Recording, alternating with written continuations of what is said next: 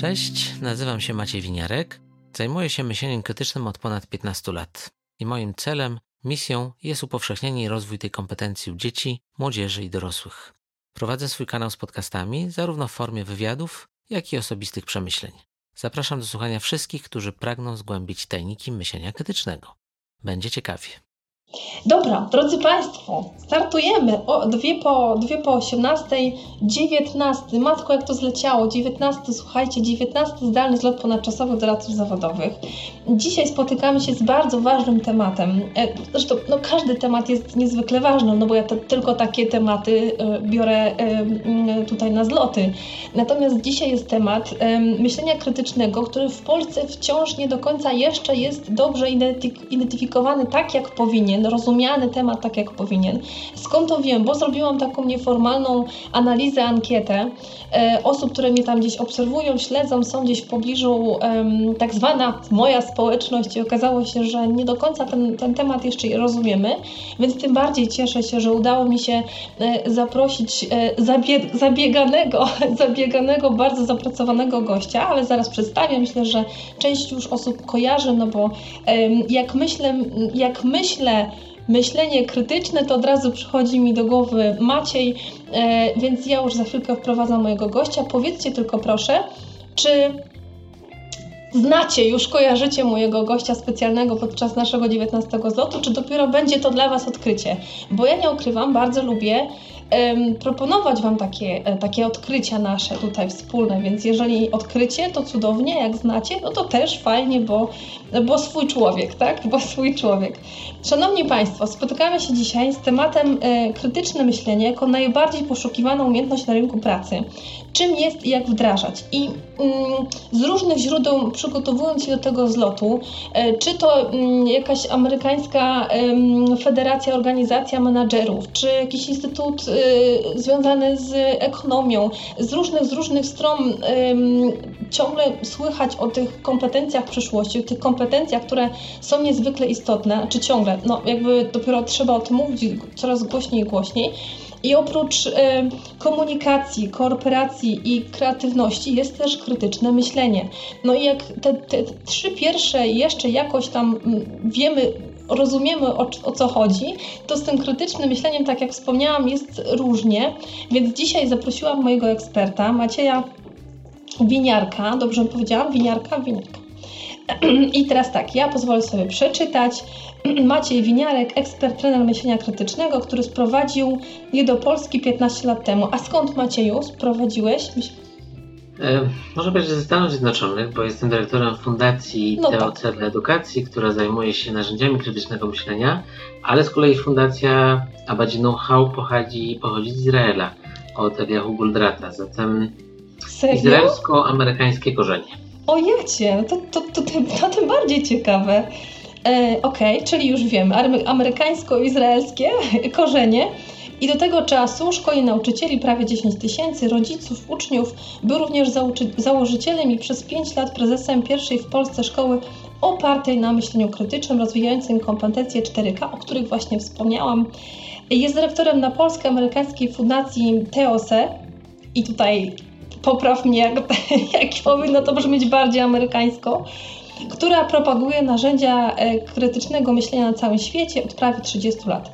Pan Maciej jest również certyfikowanym trenerem Family Lab oraz certyfikowanym tutorem. Był prelegentem i trenerem na konferencjach w Japonii, USA, Hiszpanii, Niemczech, Litwie, Peru i na 19 zdalnym zlocie ponadczasowych doradców zawodowych.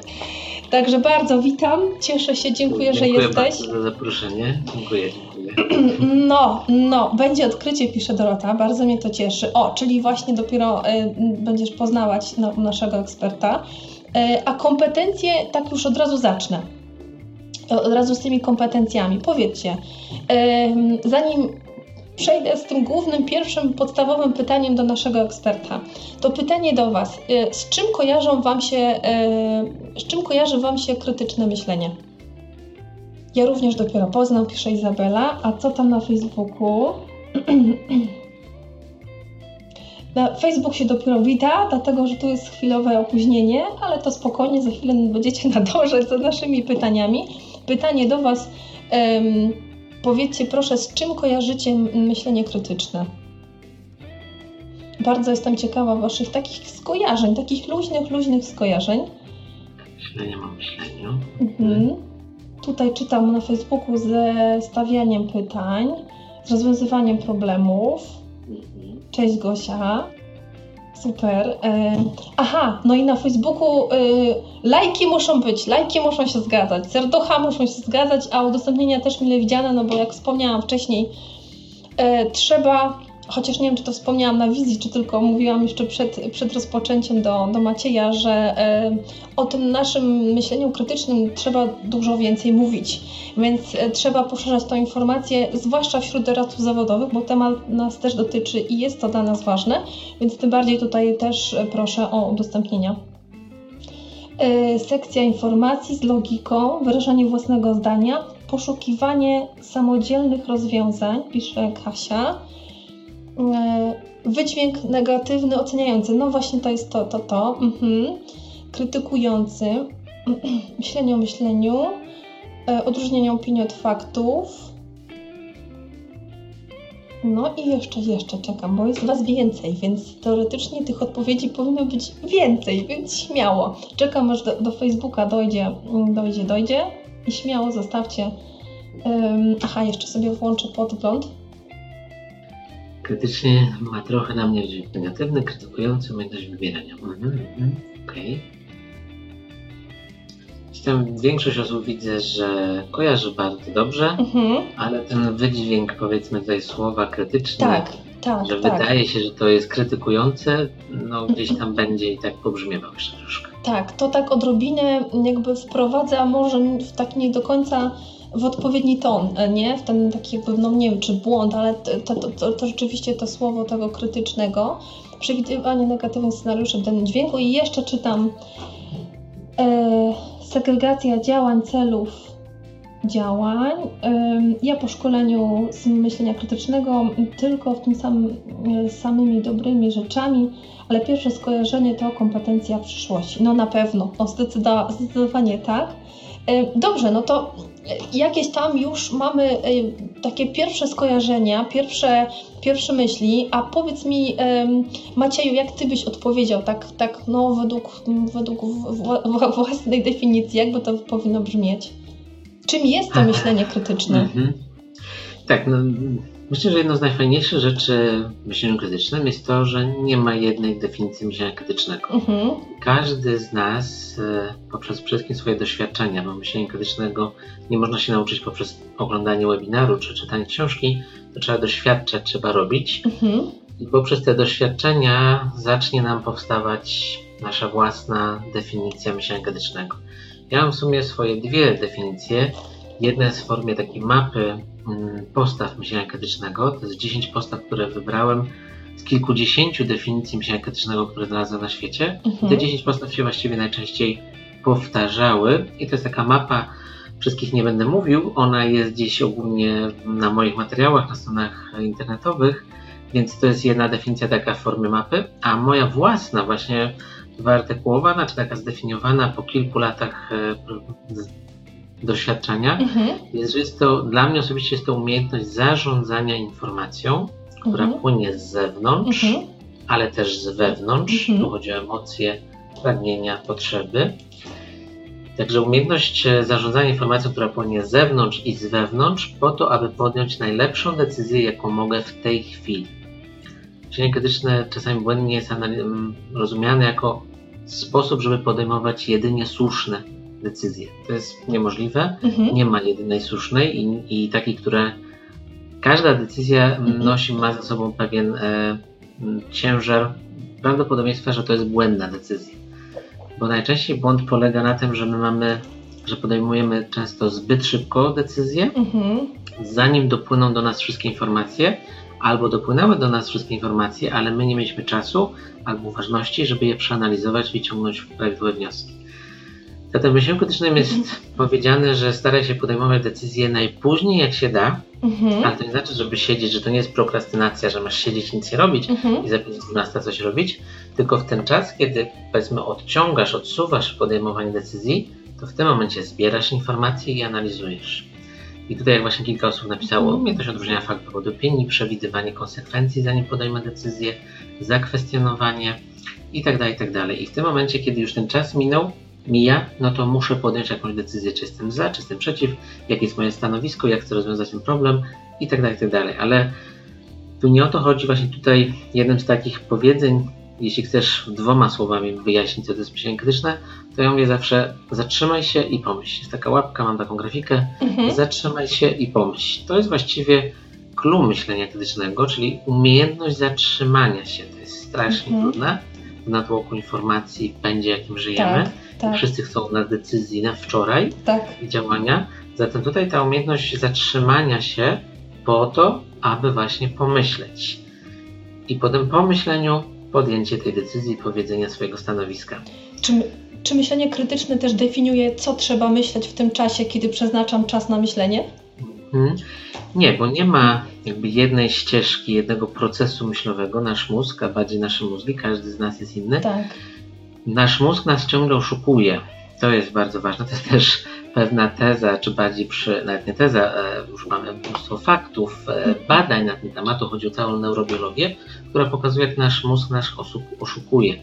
Bo nasz mózg działa na bazie pewnych schematów, na bazie naszych doświadczeń, na bazie Mhm. tych doświadczeń projektuje wszelkiego rodzaju schematy.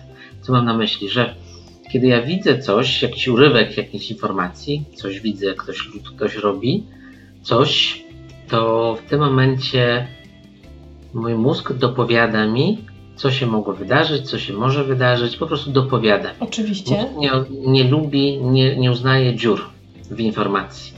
I w momencie, kiedy te dziury są jednak, bo, bo nie widzimy wszystkiego, nie słyszymy wszystkiego, to mózg automatycznie nam dopowiada. Daje nam projekcje. I w tym momencie te projekcje są tak zwanymi założeniami. Ja Mhm. myślę, że wiem, co się tam wydarzyło. A Mhm. bardziej powinno być prawidłowo, ja zakładam, że wiem, co tam się założy- wydarzyło Mhm. i właściwie jedynym sposobem jest sprawdzić. Najczęściej zapytać. Mhm. I więc tutaj odpowiadam, to trochę może dłuższa wypowiedź, ale odpowiadam na Twoje pytanie. I w tym momencie każdy z nas ma inne projekcje, bo je ma inne doświadczenia, inne schematy, inna rodzina, inna kultura. Zatem tutaj, jak Twoje pytanie było, czy każdy, czy jest jakieś prawidłowe myślenie w tym myśleniu? Mhm. Nie. Mózg każdego z nas szukuje troszeczkę inaczej, ale to, co możemy zrobić jako wspólnie, to właśnie weryfikować założenia. Czyli po prostu pytać, pytać i jak Mhm. najwięcej pytać. Mhm. Co masz na myśli? E, Jak to się wydarzyło? Kto to zrobił? I tak dalej, i tak dalej. Nie przyjmować żadnej rzeczy jako pewnik. Żadnej. W myśleniu krytycznym jest podejście, kwestionujemy wszystko i wszystkich. Nie ma świętości. Nie ma rzeczy, których nie mówimy, których lepiej nie mówić, które przecież są oczywiste. To No. jest też powiedzenie, które często mówimy na szkoleniu. W myśleniu krytycznym nic nie jest oczywiste. Zatem wiesz, tu jest problem zwłaszcza w komunikacji. Mhm. na przykład w zespole pracując, o wielu rzeczach nie mówimy na głos, bo to jest oczywiste, że na przykład przychodzimy na dziewiątą do pracy. Mhm. Ale co to znaczy oczywiste? Dla kogo oczywiste? No właśnie, bo ja tak, na poprzedniej firmie było na 9.30, więc dla mnie oczywiste jest, że ja przychodzę na 9.30 albo na 8.30. Zatem w myśleniu krytycznym no, często się to pokazuje jako wadę. Dużo czasu tracimy na komunikację. Albo na pytania, albo na wyjaśnienia. Ale my właśnie w tym pędzie, w którym żyjemy, właśnie jest łatwiej nie pytać, nie kwestionować, bo przecież jest oczywiste, co trzeba Mhm. zrobić. Po czym się ciągle spotykamy z tym samym błędem, w tym samym miejscu, nierozwiązanym, bo Mhm. my go nie rozumiemy tego błędu, tego problemu, zatem my ciągle powtarzamy ten schemat. Taki mój pierwszy wniosek przyszedł mi do głowy. Powiedz, czy mm, na ile to ma sens, y, że mm, to myślenie krytyczne jakby pomaga w niemartwieniu się? Tak, bo Mhm. dla mnie martwienie się jest takim, wiesz, momentem, kiedy nad pewną informacją pojawia się od razu moja interpretacja emocjonalna. Tak, i to te myśli, to co mówisz, te, ten Dokładnie. I mózg, to się wszystko. pojawiają po prostu różnego rodzaju lęki, uprzedzenia, schematy. Tak. To najczęściej właśnie z bazy na bazie naszych doświadczeń. Zatem myślenie krytyczne to jest to jakby ktoś z boku powiedział, poczekaj, poczekaj, zatrzymaj się i spójrzmy najpierw na fakty. I, w, I staramy się w tej informacji nazwać fakty. To jest duży problem, bo właśnie umiejętność odróżnienia faktów od opinii jest bardzo trudna, jeśli Mhm. się w ogóle nie ćwiczyło. Mhm. My coś widzimy i od razu interpretujemy. I to jest Mhm. ułamek sekundy. Tak. Przecież ja widzę, patrz, już domyślę, ja już wiem, co to znaczy. wiem co, o co chodzi. Najpierw trzeba nazwać fakty, mieć pewność, że to są fakty, mhm. a dopiero w drugim kroku powiedzmy je przeanalizować, zinterpretować. I w tym momencie tak na Twoje pytanie, tak, to bardzo pomaga nie martwić się, bo po prostu staramy się nie uruchamiać tego systemu emocjonalnego, że jest bodziec i jest od razu reakcja emocji, patrz lęku, niepokoju, mhm. złości, agresji, mhm. różnego rodzaju emocji, które nas po prostu wytrącają i nie są przyjemne. Mhm. Zatem myślenie krytyczne, znów jeśli zrobimy te zatrzymaj się i pomyśl, to bardzo właśnie obniżamy poziom emocji, zwłaszcza tych lękowych. Tak to ja już pomału zaczynam, mimo że dopiero zaczynamy dopiero w ten temat wchodzić, to ja już pomału w ogóle zaczynam rozumieć, dlaczego y, ta kompetencja jest kompetencją przyszłości, no bo y, nie y, skupiamy się na faktach, tak? Y, czyli y, jakby analizujemy, nie, nie pod, inaczej. Jeżeli na przykład chciałabym zatrudnić pracownika, na jakieś tam nowo utworzone stanowisko, no to y, chciałabym, żeby ten pracownik tak myślał właśnie tak, y, nie wiem, próbuję znaleźć jakieś synonimy do tego słowa krytycznego, jakieś, nie wiem, tak, trzeźwo, tutaj... analitycznie, jakoś tak Wiesz co, tak, bo tutaj zimno. widzę, pani Dorota mhm. napisała właśnie pytanie, czy to myślenie analityczne, o właśnie, no. dlaczego krytyczne. Drodzy Państwo, myślenie analityczne w tym momencie jest za wąskim terminem, zdecydowanie za wąskim. Dlaczego krytyczne? Krytyczne tu chodzi o proces, kiedy chcemy, bo to jest do słowa krytikos i to nie chodzi o krytykowanie, mhm. tylko ocena najważniejszego momentu, tak jakby taka Cena. nasza mhm. uważność na najwyższym poziomie. Mhm. I w tym momencie, kiedy właśnie myślenie krytyczne polega na tym, żeby wiedzieć, kiedy zatrzymać się i pomyśleć, a wiedzieć, kiedy mogę puścić na autopilocie. Tutaj się odniosę do książki, przygotowałem kilka książek i zapomniałem tej jednej. Pułapki myślenia mhm. Daniela Kahnemana. Pułapki myślenia. Pułapki myślenia. Który, tak. Daniel Kahneman to jest izraelski psycholog, który zdobył pierwszą nagrodę Nobla z ekonomii. E, I on właśnie w swojej książce Pułapki myślenia definiuje, znaczy nie myślenie krytyczne, tylko w ogóle nasz sposób myślenia na dwa systemy. Pierwszy system to jest tak zwane myślenie właśnie na autopilocie, czyli te wszystkie rzeczy, które robimy nieświadomie stoimy, robimy kawę i jeszcze z kimś rozmawiamy. I to generalnie jest bardzo trudne, ale tak naprawdę nasz mózg, oczywiście poprzez ewolucję i tak dalej, e, doprowadził do perfekcji, że my potrafimy 95-98% naszych funkcji myślowych, zadaniowych, gdzie wszystko, co robimy każdego dnia jest na autopilocie. No, Możemy zamknąć dokładnie. oczy, słuchać muzyki i właściwie to i tak będziemy to robić. Bo dlaczego tak jest? Bo mózg jest po prostu najbardziej wysoko energetycznym organem, mhm. zatem by się nam przepaliło, gdybyśmy cały czas myśleli mhm. na 100%. I, klucz, I drugi system, kiedy właśnie jest to myślenie, nazwijmy to krytyczne, którym ja wiem, że muszę tutaj się zatrzymać i właśnie uruchomić mhm. powolne, moment, moment, muszę to wiedzieć, muszę się tego dowiedzieć, co to oznacza, jaki motyw, kto miał tak, dlaczego jest taka intencja i tak dalej, i tak dalej. Zatem dużo pytań i przede wszystkim takie spokojne. Tutaj się zatrzymamy. To jest dla mnie bardzo ważna, nie wiem, decyzja, opinia, sytuacja. Ja nie mogę jej na autopilocie tak byle jak powiedzieć tak nie. Bo ona przyniesie mi, powiedzmy, jakieś konsekwencje i wolałbym, żeby to nie były negatywne konsekwencje. Zatem to jest ta umiejętność właśnie, kiedy zatrzymać system pierwszy i kiedy uruchomić system drugi. Mhm. E, i tutaj te krytyczne to jest właśnie moment, w którym można powiedzieć, jesteśmy najbardziej uważni jak się da na informacje, na emocje mhm. swoje, innych ludzi. Jesteśmy po prostu uważni. I w tym momencie te krytyczne oznacza taki krytyczny punkt, krytyczny moment, mhm. krytyczna sytuacja.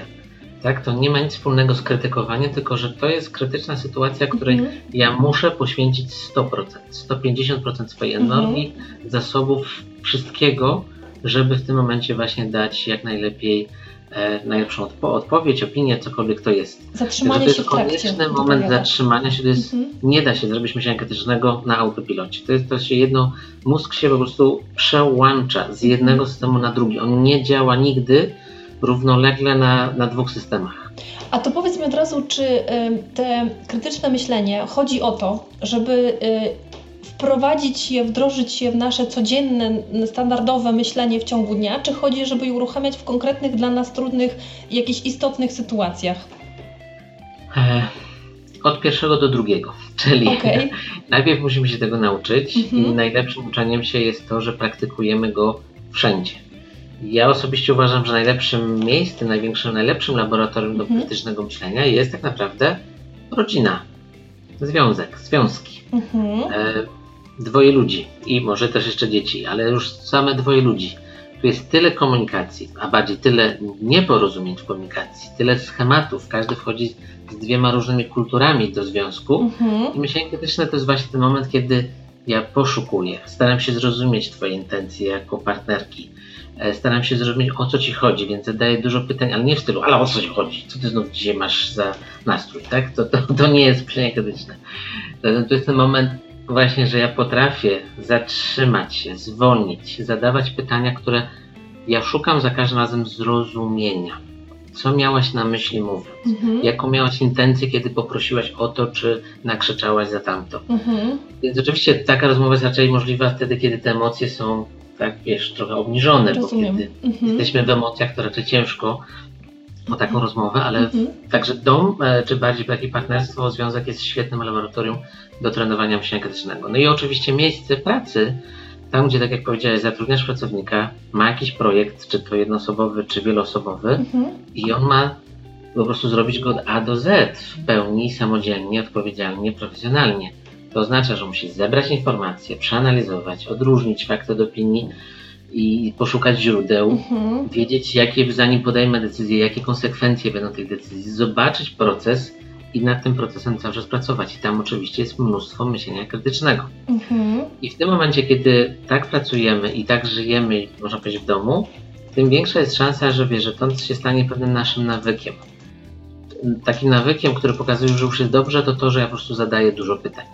Że jak siedzimy na spotkaniu, powiedzmy, zawodowym, w jakiejś wiesz, korporacji, w zespole, 10-15 osób, szef mówi, no to do roboty zróbcie to i tamto, i większość osób wtedy kiwa głowami, tak, tak, jakoś, jakoś to będzie.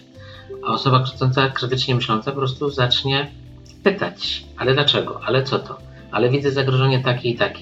Czasami to jest taka osoba postrzegana jako taki, wiesz, smurf maruda. Ale to jest najczęściej jedyna osoba, która w tym pokoju myśli. Po prostu myśli. I to nie, nawet jeśli ta osoba widzi więcej zagrożeń, to najczęściej jest tak, że ta osoba widząc zagrożenia potrafi znaleźć nawet strategię rozwiązania.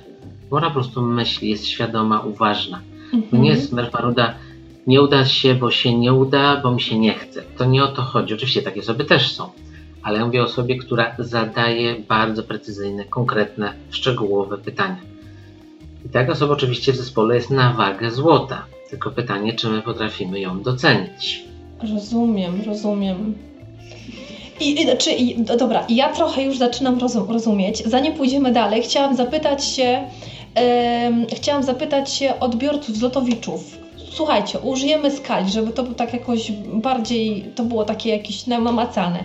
E, W skali od 1 do 10, na ten moment, po pierwszych 25 minutach, na ile rozumiecie krytyczne myślenie w skali 1 do 10? Czy tam od 0 do 10 nawet już niech będzie to. Jak czujecie? U, Elżbieta, Elżbieta 10, to, to, to wysoko. Zobaczmy, co tam na Facebooku się pojawi. 10, to, u, u, to, to musimy tu mieć już świadomych, albo tak dobrze tłumaczysz, Macieju, że, że to już jest, bo ja bym tak powiedziała 6, tak, jakbym, ja bym tak powiedziała 7, no bo ja jestem jednak tak racjonalnie, jak próbuję, dlatego, że najbardziej co zapamiętałam to yy, i jakby już biorę, biorę do siebie, yy, to co powiedziałeś na samym początku, jeżeli na przykład, to co zapytałam o to martwienie się, yy, czy jak odkładamy moment podjęcia decyzji, to za, te odkładanie, zadawać jakieś odpowiednie pytania, czyli właśnie analizować te fakty, to, to już jest dla mnie mega cenne, bo, bo rzeczywiście często odkładamy to, to decyzję, przeciągamy w czasie i to tylko kwestia czasu, nic więcej się nie dzieje dobrego. Tak, a, znaczy no najczęściej właśnie my nie potrafimy, my odkładamy decyzję po to, żeby pozbyć się lęku, niepokoju, dyskomfortu, który on nam wywołuje. mhm, myśląc, że może jutro, pojutrze przyjdzie odpowiedź. Oczywiście nic nie przychodzi, a No my tylko jesteśmy, nakręcamy się, zwłaszcza w Tak. nocy, obudzimy się i po prostu nam myśli kołują. Także kluczem jest w myśleniu krytycznym, że okej, mam wyzwanie, mam problem i nie boję się go, mam narzędzia, biorę ten problem, biorę ten proces, biorę te najczęściej jakiś problem, patrz, który jest najczęściej konfliktem. To w takim, to może później będzie czas to jeszcze wyjaśnię, ale wszędzie tam, gdzie nie wiem, to jest konflikt. mój dylemat. Mhm. Nie wiem, co zrobić. A czy B? I w tym momencie są narzędzia krytycznego myślenia, właśnie jedno z narzędzi TOC, które jest po prostu narzędziem do analizowania i zrozumienia konfliktów po to, aby je rozwiązać. Ale w momencie, kiedy wypełniamy to narzędzie tą wiedzą, tą treścią, tymi e, też emocjami, to nagle nam się pojawia obraz i pojawia się takie Ach, to ja już rozumiem o co mi chodzi, to ja już Mhm. rozumiem gdzie jest ta, te napięcie, ten, ten, ta sytuacja, która do tej pory, przez to, że to jest strasznie dużo myśli i emocji, nie możemy w takich warunkach myśleć precyzyjnie, jasno, klarownie. W myśleniu krytycznym celem jest jak najszybciej, nie że odpędzić emocje, bo nie o to chodzi, tylko że one na początkowej fazie bardzo przeszkadzają. Mhm. Zatem poprzez zwłaszcza narzędzia krytycznego myślenia, które są wizualne, my wprowadzamy jakąś tą treść, tą informację, którą jest dla nas wyzwaniem po to, żeby odciąć emocje i przyjrzeć się faktom najczęściej. Mhm. A później zaczynamy też analizować emocje. Dlaczego się tego tak przestraszyłem? Dlaczego czuję tutaj tyle, niepokoju? Mhm. Dlaczego tutaj nie mam pewnie w ogóle, nie wiem, motywacji, chęci, żeby to robić? Także emocje, potrzeby, pragnienia są gigantycznym, wspaniałym, oczywiście też obszarem do analizy, do przyjrzenia się.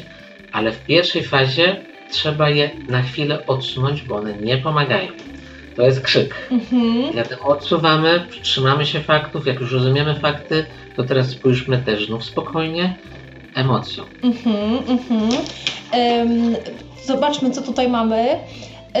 Tu, tu, tu, tu. Pan Maciej bardzo dobrze tłumaczy, ale na Facebooku nie jestem sama, bo znaczy ja, ja czuję, jakby zaczynam czuć ten obszar, tylko jeszcze mamy, że tak powiem, em, no, dobrą godzinę na jakieś kolejne wyjaśnienia, jakieś sytuacje, przykłady, narzędzia. Ale co tu czytam? E, Jest 9, 7, 5, 10, 7, 5, 6. No, 5, tak, tak, tak, tutaj. No tutaj, tutaj zdecydowanie te dziesiątki, ósemki poleciały na tym click meeting mocno, mocno. Świetnie wytłumaczone, bardzo przyjemnie się słucha. Myślę, że rozumiem na 9, tylko zastanawiam się, na ile potrafię stosować. No właśnie a propos zastosowania, bo te pytania, czy to są jakieś konkretne pytania, czy jakieś konkretne narzędzia do tego, żeby nam tym pomóc? e, bo ty zadałaś tutaj w sumie dwa pytania, Mhm. czy bardziej o dwa obszary, więc opowiem najpierw na jedno, później na drugie. Dobrze. Pytania. E, myślę, że jednym z najlepszych sposobów pytań są pytania sokratejskie. Mhm. I tutaj jest materiał, że tak powiem, w internecie. Jak, jak wy wygooglacie pytania sokratejskie, to oczywiście będzie informacja, że Sokrates właśnie stworzył taką formułę e, zadawania pytań, a tak naprawdę to jest sześć kategorii pytań. I jak się wchodzi w jedną kategorię, to tam jest kilka, a raczej kilkanaście, czasami nawet kilkadziesiąt pytań. I te pytania właściwie, jeśli byśmy mieli czas i chęci i uważność, to jeśli byśmy przeszli przez większość z nich, oczywiście nie 150 czy 200 pytań, to nie o to chodzi, ale jednak te najważniejsze, to, to one już bardzo, bardzo pomogą. Także to jest taka wiedza, know-how, który jest ogólnie dostępne, Aha, jest. okej. Tak? Pytania sokratejskie. I tam jest sześć, sześć e, typów pytań, pytań sokratejskich. Każdy z tych typów jest właśnie pod, no, kolejne kilkanaście, czy tam powyżej 20 pytań. Więc to już jest pierwsza taka ścieżka, jak pytać. I one są takie, przepraszam, one są takie w miarę jakby uniwersalne do każdego jakby obszaru, tematu, Tak, problemu. oczywiście na początku są takie podstawowe kto, gdzie, kiedy, jak, takie o informacyjne, a później idziemy coraz głębiej. Mhm. No to może tak, wyjaśnię, że najbardziej, najwięcej sprawiają problemów nam, tutaj zwłaszcza w Polsce, pytania o właśnie założenia i przekonania. Mhm. W polskim języku i w polskiej komunikacji, wybaczcie może za ogólnienie, ale te słowa założenia, przekonania praktycznie nie istnieją. Eee, co chcę powiedzieć? Nasze zachowania determinowane są przez nasze przekonania. Tak jest. To jest jeden do jednego. Mhm. I teraz, jeśli ja nie jestem świadomy swoich przekonań, to właściwie mi się wydaje, a to się jakoś zrobiło, a to dlaczego, nie wiem nawet dlaczego tak powiedziałem, nawet nie wiem dlaczego tak pomyślałem. Mhm. To jest ten element nieświadomości samego siebie, kim ja jestem, jakimi przekonaniami się posługuję, a idąc trochę jeszcze głębiej, już tak do źródła, przekonania z kolei wychodzą z naszych wartości. Jeśli ja nie Mhm. jestem świadomy swoich wartości, na przykład dla mnie wartością cały czas przez całe życie numer jeden jest wolność. Mhm. Wolność nie jako potrzeba, tylko jako wartość, że uważam, że wszyscy ludzie na świecie mają prawo do wolności i w tym momencie moje przekonania będą takie jako, nie wiem, właściciela firmy, mhm. że nie mogę niczego narzucać swoim pracownikom. Mhm. Mogę ich najpierw do tego przekonywać, bądź zapraszać. E, a za moimi zachowaniami będzie usiądźmy i porozmawiajmy. Mhm. Tak? Bo mhm. widzę, że się nie zgadzacie i nie powiem nigdy, nie obchodzi mnie to, że się nie zgadzacie, macie co zrobić, bo jestem szefem. Mhm. To byłoby niezgodne z moimi przekonaniami i z moimi wartościami. Rozumiem. Zatem kluczem w myśleniu właśnie krytycznym jest tak naprawdę rozwijanie samoświadomości. To jest cały czas pytanie, kim ja jestem. Zatem, mm, bo trochę tutaj zrobiłem taką Ale to, pętlę. To, to jest potrzebne, co mówisz. Mów, spokojnie. Więc wartości, przekonania, zachowania. No i właśnie w, myśl, w pytaniach sokratejskich, wróćmy do nich, jedną z kategorii najtrudniejsza jest właśnie pytanie o przekonania. Czyli jeśli ktoś do mnie przychodzi z sytuacją, z, jakąś zwłaszcza trudną, konfliktową, emocjonalną, mhm. to jednym z ważnych pytań jest właśnie pytanie, a jakie są Twoje przekonania? Bo na przykład ktoś przychodzi i mówi, z tą Zośką zespołu się nie da pracować. Wszystkie dziewczyny po polibudzie po prostu są tak, przepraszam, tempe, nic nie robią. Sorry, ale tak wiesz, to są wszystko uprzedzenia, schematy, stereotypy. I to są tak naprawdę nasze przekonania, które determinują nasze zachowania. Zatem ja jako osoba myśląca krytycznie, powiedzmy, ja jestem szefem zespołu, projektu i widzę, że w zespole są konflikty, to ja nie będę patrzył na zachowania, tylko będę pytał o przekonania. Bo jeśli ten człowiek ma przekonania o dziewczynie właśnie takie, jakie rzuciłem jako przykład, to ja, nie, to ja nie zmienię szybko jego zachowań. Ja muszę z nim usiąść raz, drugi, trzeci i zakwestionować jego przekonania, a bardziej spowodować, żeby to on zakwestionował swoje przekonania, mhm. że są aktualne, prawidłowe, czy przynoszą mu dobro i zespołowi, czy wręcz przeciwnie. Zatem mhm. w pytaniach sokratejskich właśnie pytania o przekonania są dość trudne, bo w, naszym, w naszej kulturze no nie pytamy, tak? Jak będzie nagle wyjechał, opowiedz mi o swoich wartościach, zanim usiądziemy do tego projektu, to byś popatrzyła raczej na mnie jak na wariata. Ale w momencie, kiedy mamy pracować przy jakimś projekcie przez najbliższy rok czy dwa, bo jest to gigantyczny projekt, no to pierwsza rzecz, oczywiście mówi się to, zintegrujmy się, idźmy na piwo czy na inne formy integracji. Okej, okay, oczywiście to jest bardzo potrzebne, ale to się, to się przyda tylko na krótką metę, do pierwszego konfliktu, bo w emocjach, w konfliktach pojawiają się właśnie przekonania, mhm. a bardziej różne przekonania i w tym momencie, jeśli my no, nie potrafimy o tym rozmawiać, nie potrafimy o to pytać i najczęściej no, o większość osób powie, nie wiem jakie są moje przekonania, nikt, nikt mnie o takie coś nie pytał. Ja nie wiem, co to w ogóle są przekonania. No właśnie. Co to, co to znaczy? Jak, jak bym powiedział, napisz swoje przekonania o pracy zespołowej. To z mojego doświadczenia jako trenera 99,9% osób odpowie, ale ja nie rozumiem, co mam napisać. O co ci chodzi? tak jest. Właśnie to chciałam powiedzieć, że o tych przekonaniach, to ojej, no, w każdym obszarze, czy w pracy doradczej, czy dydaktycznej, czy, czy w rodzinie, w domu, towarzyskiej, te przekonania ciągle się pojawiają, tylko właśnie problem jest wtedy, e, jeżeli mamy do czynienia e, z, mm, z, z odbiorcą w sytuacji, jeżeli on nie jest nie jest jakby świadomy o swoich przekonaniach, tak? Wiesz, co mam na myśli? W sensie, że jak zapytasz wprost, jakie są twoje przekonania, no to y, on nawet nie potrafi je wymienić, bo mm, bo nie identyfikuje tego jako przekonania, nie? Nawet w momencie, kiedy na przykład ktoś powie o sobie, nie wiem, głupi przykład, jestem głupia. Kiedyś tak mi studentka powiedziała i jakby zapytałam się, to, czy to jest właśnie fakt, czy twoje przekonanie? No fakt, na jakiej podstawie, tak? Jakby... Ym, uświadomienie sobie właśnie o tym, na ile to jest fakt i na jakie podstawie, a na ile przekonanie, na jakie podstawie, to jest w ogóle już, wiesz, to już jest... Tak, no. tak.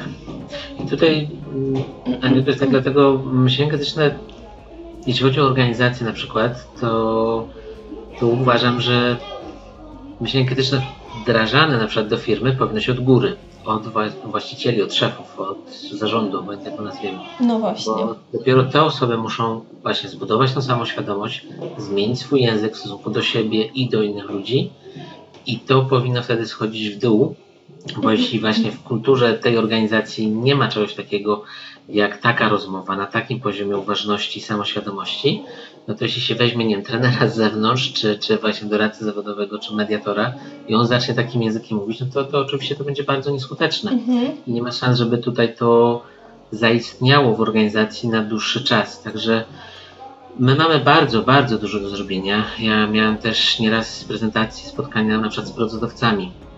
I, i, i wiem, że znaczy, to jeszcze jak zaczyna, znaczy ja od 15 lat zajmuję się myśleniem krytycznym, 15 lat temu to nikt o to nie pytał, ale nawet nie wiem, 7-8 lat temu, e, właśnie jak zakładałem swoją szkołę w Gdańsku i miałem też później okazję właśnie dla pracodawców 6-7 lat temu prowadzić prezentację, gdzie na sali ze 100-150 osób pracodawców i, i no oni kompletnie nic nie wiedzieli o myśleniu krytycznym, to jeszcze mogę uznać, ale wszystkim będzie podejście, ok, to jak wyszkolić z tego pracowników, tak? Mhm. Ja generalnie powiedziałem, że nie, mo nie możecie oczekiwać, że pracownicy przyjdą do Was wykształceni z myśleniem krytycznym, z rozwiniętym myśleniem krytycznym, bo pokazałem mi tam dwa, trzy slajdy związane z polskim systemem edukacyjnym, który myślenie krytycznego po prostu nie rozwija. Zatem liczyć na to, że na przykład zacznie przychodzić jakaś fala absolwentów, coraz większa, że mają już to rozwinięte, bo 5, 10, 15 lat pracy, uczyli się, pracowali tak czy bardziej, no, uczyli się w szkole w ten sposób, to nie ma na to najmniejszych szans przez najbliższe jeszcze 20 lat. Mm-hmm, Także mm-hmm. pracodawca nie może czekać, aż taka fala przyjdzie. Pracodawca może jedynie zacząć szkolić siebie i, i nastawić się na 5-10 lat pracy, nie w jeden rok, nie w jeden tydzień, to jest naprawdę zmiana człowieka. No bo to jest myślenie. No to, to przecież... jest całkowita zmiana, transformacja tak, myślenia. Tak, tak. Absolutnie. I wiesz, w naszej kulturze polskiej, gdzie my szybko oceniamy, od razu wiemy, silna polaryzacja, zero umiejętności dyskutowania, zero umiejętności zadawania pytań, bo od razu jest to, tak są zadawane pytania, że najczęściej są atakiem. Zatem osoba, która dostaje pytanie, właściwie czuje się zaatakowana i najczęściej już odpowiada też jakimś kontratakiem. Zatem dyskusja, rozmowa kończy się po jednym, dwóch pytaniach, bo nie mhm. potrafimy zadawać pytań, które ludzie się czują bezpiecznie i że czują, że chce ich zrozumieć, chce ich wysłuchać.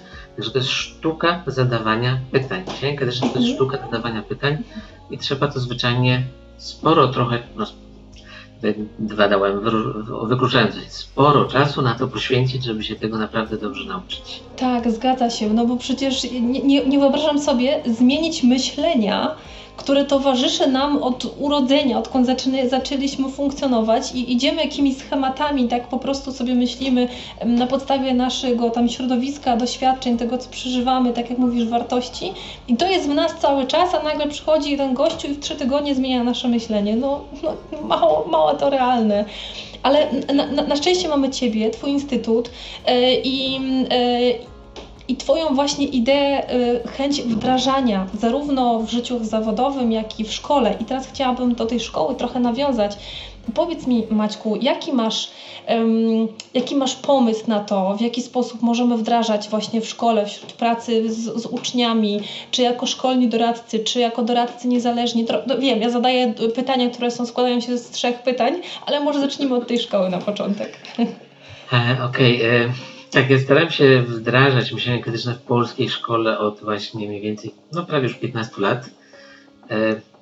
90% e, tego czasu to można powiedzieć piękne porażki, z których staram się wyciągać jak najlepsze lekcje i mniej więcej co 2-3 lata tworzę nowy model, który jest już, może być lepszy, mądrzejszy mm -hmm. od tych pierwszych. Mm -hmm. Ja jestem w trakcie od 18 miesięcy, jestem w nowym modelu wdrażania myślenia krytycznego w Polsce mm -hmm. i to jest taki proces, no właśnie to już duża zmiana w stosunku do wcześniejszych moich prób, że to jest proces na 4 lata. Szkoła decyduje się na wdrożenie myślenia krytycznego, którego wdrożenie zajmie 4 lata, minimum 4 lata może znaleźć nawet 5 czy 6, ale minimum 4 lata. Mhm. Y, lata tego, y, kalendarzowe czy szkolne?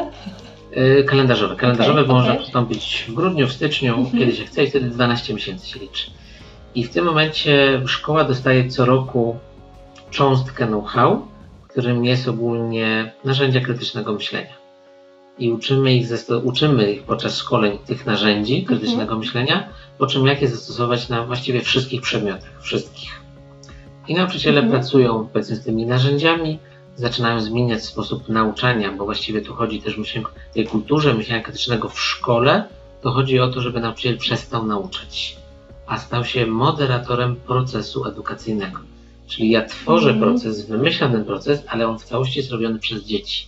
A ja jestem takim przewodnikiem, coachem, moderatorem, który cały czas stara się ten proces jeszcze, jeszcze zrobić jeszcze skuteczniejszy. Mhm. Zrobiłem lekcję, ale patrzę, co następnym razem mogę na tej lekcji poprawić.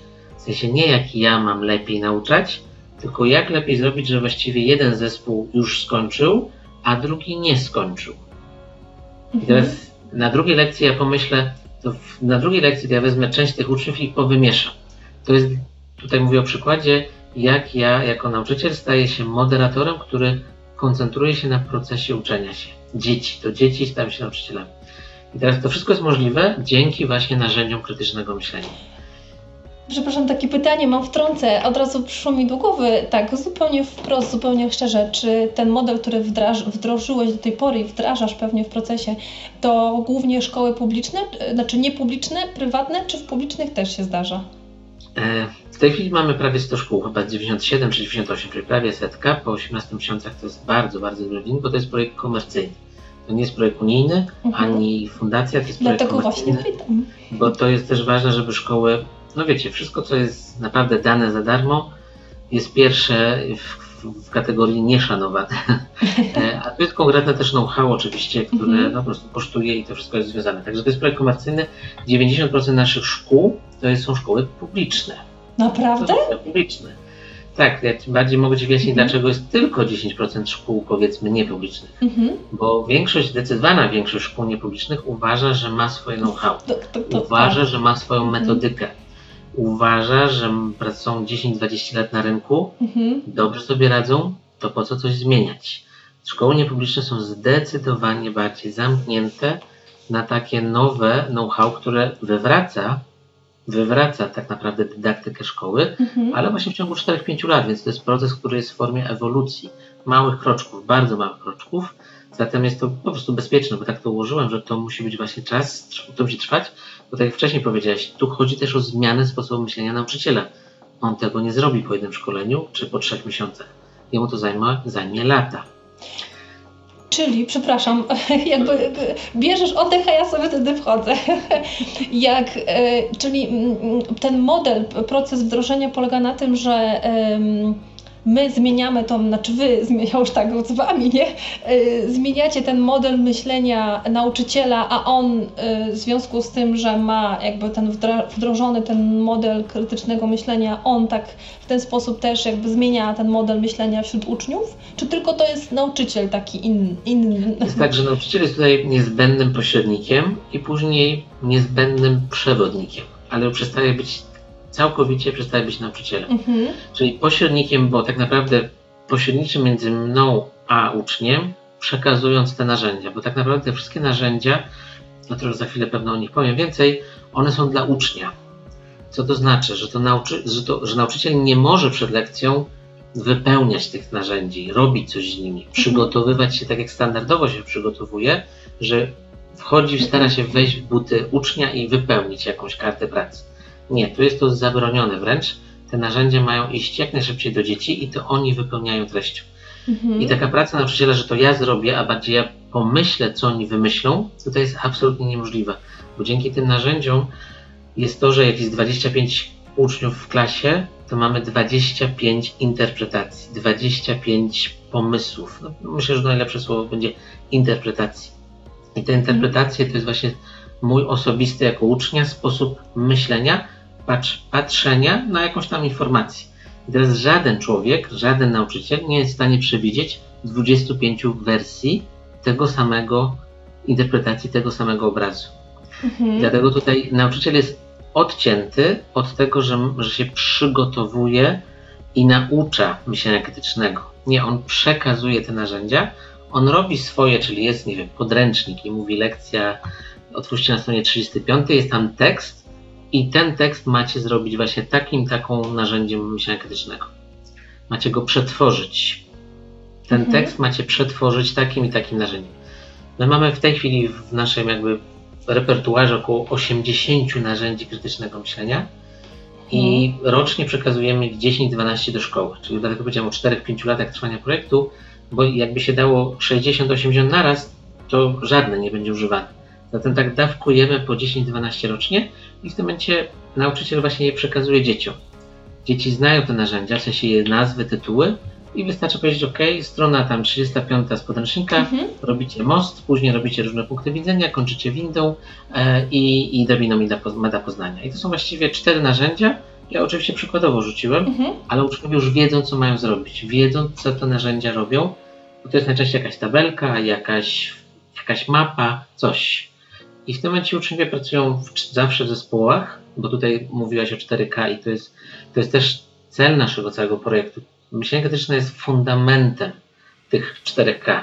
Jest na dole jest najważniejszy. Jeśli pracujemy właśnie myśleniem krytycznym odpowiednimi narzędziami, to jest z automatu praca zespołowa, z automatu jest komunikacja i właściwie jako produkt uboczny, patrz wartość dodana, tworzy się kreatywność, bo przede wszystkim wolność myślenia. Mhm. W myśleniu Mhm. krytycznym w tych narzędziach nie ma prawidłowej odpowiedzi. Nie ma prawidłowej odpowiedzi. Co to oznacza? Że nauczyciel nie może oceniać. Nie ma żadnego schematu, nie ma Mhm. klucza. Może tak powiem.